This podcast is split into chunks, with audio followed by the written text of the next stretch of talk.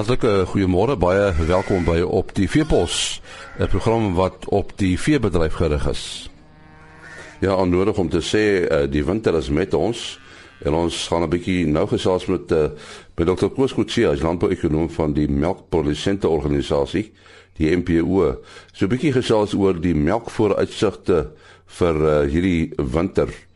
Uh, wat is die status en die stand van uh, die melkprys op die oomblik uh, Koos? En nee, uh, kom ons kom ons miskien moet ons begin by by by die by die bietjie wyd begin en dit is internasionaal 'n suiwer produkpryse op die laagste vlak in in baie jare, ek dink van 2009 af. As gevolg van hoër produksie verlede jaar en 'n bietjie swak uh, effens 'n pap vraag, maar hoofsaaklik die hoër produksie. So ons sit met lae wêreldpryse. Uh dis die eerste een. Dan tweedens het ons in Suid-Afrika hiervan Augustus verlede jaar af hoër produksie en as jy nou die eerste 4 maande van die jaar vat dan tot my maand eerste 5 maande, ekskuus, dan praat ons van so 10% hoër produksie as in die vorige jaar. Uh die vraagkant groei, maar hy kan nie vinnig genoeg groei om daai op te neem nie. So ons het duidelik het ons nou kennis gekry dat van die kopers gaan hulle pryse verlaag uh wisselend maar dit gaan gebeur. So uh ons sien dat produsente pryse gaan daal uh, na die winter. Uh op die huidige stadium, uh, hoewel dit winter is, lyk dit of die mark in balans is. Uh daar is nie te min melk nie, inteendeel ons kry hier en daar gerugte van te veel melk. Uh die prysverlaging is te verwag. Jy weet ons het dit verwag. Ja, mense kon dit sien aankom. So uh, en natuurlik die groot probleem daarvan veral vir die binnelandse melkbore veral vir die somergaan areas laat die mense nou die er, redelike ernstige droogte gekom het laat hulle swak graanoeste gehad het en dan nou die die hou van laer produsente pryse bykry. Uh mense moet maar besef dat die suiwerbedryf is 'n sikliese bedryf, jy weet, en uh, pryse gaan op en dan gaan pryse weer af. En uh So. Uh invoere is meer, maar dis nie die groot rede. Die grootste rede is dat ons 10% meer produseer. Nou, nou sien mense hierdie verlaging van die prys uh vir die verbruikers ook. Uh, ons toe ek twyfel of dit gaan gebeur. Ek dink hierdie is 'n uh, en um, ek weet ook nie hoe lank die verlaging gaan duur nie, maar ons sien as ons na die verbruikers kyk, dan sien ons dat jy weet uh, die vraag styg vir al die suiwerprodukte en die die pryse styg ook. Is baie interessant. As ons nou die 12 maande tot einde maart van jaar vat dan het die vraag na vers varsmelk na melk met 2.9 vir vars en 3.8% vir langlewig melk gestyg terselfdertyd is die prys van varsmelk is omtrent 10% op die vraag die prys van langlewe melk is 18.5% op uh maas is 10% duurder kaas is 7% duurder, botter 13% duurder. Jy weet so, die verbruiker betaal meer, dit is so. En dan die produsent kry minder. So uh, waarskynlik raak die gaping tussen die produsent en die verbruikersprys groter. Nou as die produsente prys uh, verlaag, uh, gaan die die die produksie ook verlaag? Uh nee, ons glo so veral Ja, uh, daar dis daar natuurlik baie faktore in die in die weidingsareas gaan dit afhang van hoe lyk die seisoen wat kom. Nou sien ek daar word redelik gewag gemaak van 'n El Niño jaar. Eh dit hang af hoe gou die verlede seisoen was in die weidingsareas 'n baie goeie seisoen. Dis een van die groot faktore wat hoër produksie dryf is dat hulle 'n uitstekende produksieseisoen gehad het. So ons moet maar sien hoe lyk wanneer kom die eerste reëns en hoe lyk die reëns in die opvolg van die reëns in die in die weidingsareas. Die ander faktor wat ook nog bietjie onbekend op die stadium is is wat gaan die mielie oorsaaklik die mielie en die sojaboonprys vorentoe maak. Nou die laaste week sien ons al hoër pryse. So as die prysverhouding verder vernou uh, en hy kom weer af tot wat ons omtrent 'n jaar terug gehad het, 'n 1 tot 1 verhouding tussen melk en veevoer dan kan ons verwag dan gaan dit produksie benadeel. Ek dink dit maak ook sin vir boere om as jou prys daal bietjie na jou jou set of oh, jou besigheid te kyk te kyk of teen 'n la, laer prys al die koeie wat jy melk winsgewend gemelk kan word. Jy moet oppas vir skaalfaktore daar, maar bietjie te kyk wat kan jy doen en ek dink dit is die fokus behoort die fokus te wees.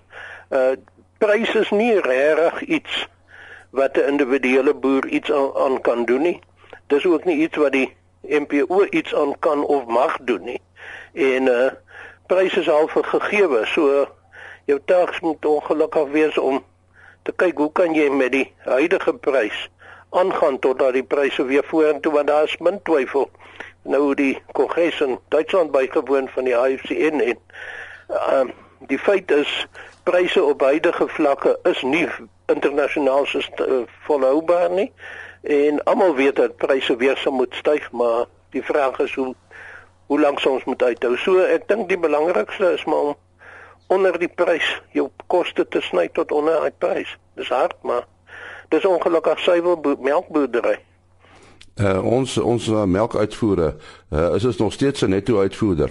Se netto uitvoerder nie baie nie. Ons voer net net vir die eerste uh 4 maande het ons net net uh marginaal meer uit as ingevoer. Hoofsaaklik om maar 'n bietjie groot hoeveelhede ingevoer is in hierdie eerste kwartaal.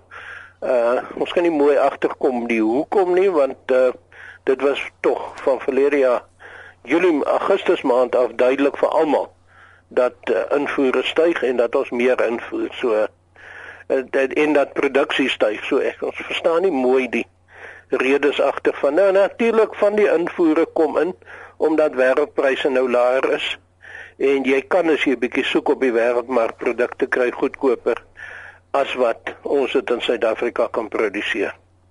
En hoe vergelyk ons uh, ons nasionale kudde se statistiek met met die res van die wêreld?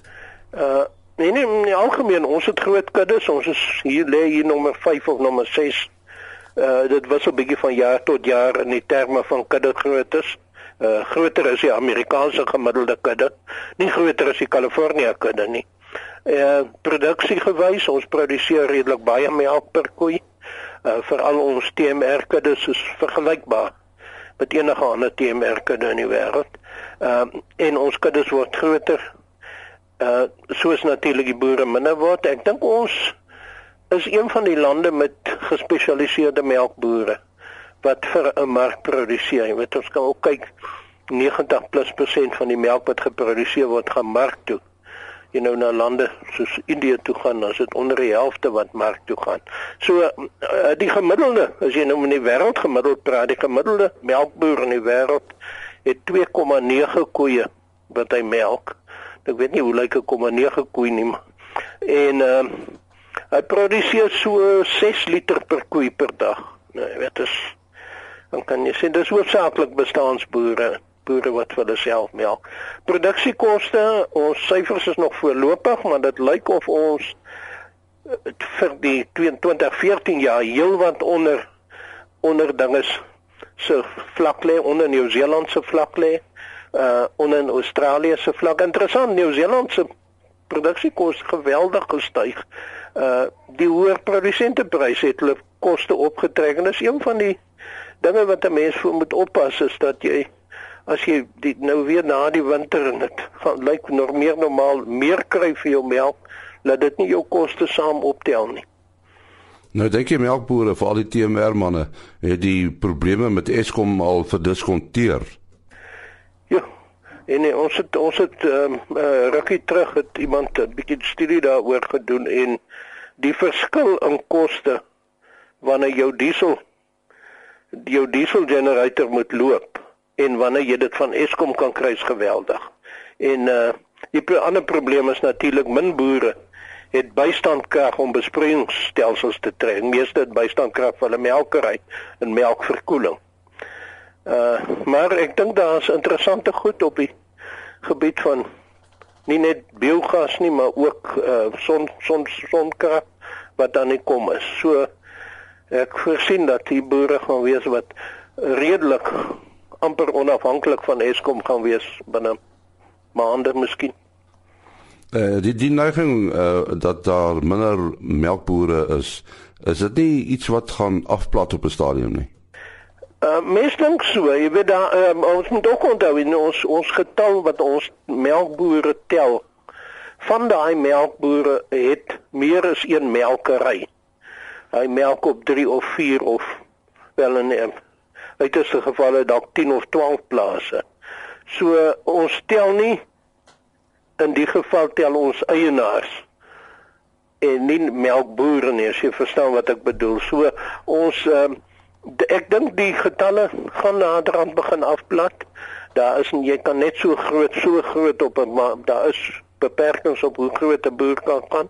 En natuurlik daar's kleiner melkbore wat in nismarkte sit tipies die boer wat by een spesifieke dorp vir die dorp melk gee in aanhalingstekens en uh, so so ek dink dit gaan gaan afplat. Uh waar daai afplat is of dit 1000 is en of dit dalk 1200 is ons weet nie. Dit sal van baie dinge afhang. En so praat dokter Koos Kotse. Hy is uh, landbouekonoom by die melkprodusente organisasie Môreoggend om kwart voor 5 is ons weer terug. Onthou op die Veepos word elke weekoggend om kwart voor 5 hier op RSG uitgesaai. 啊。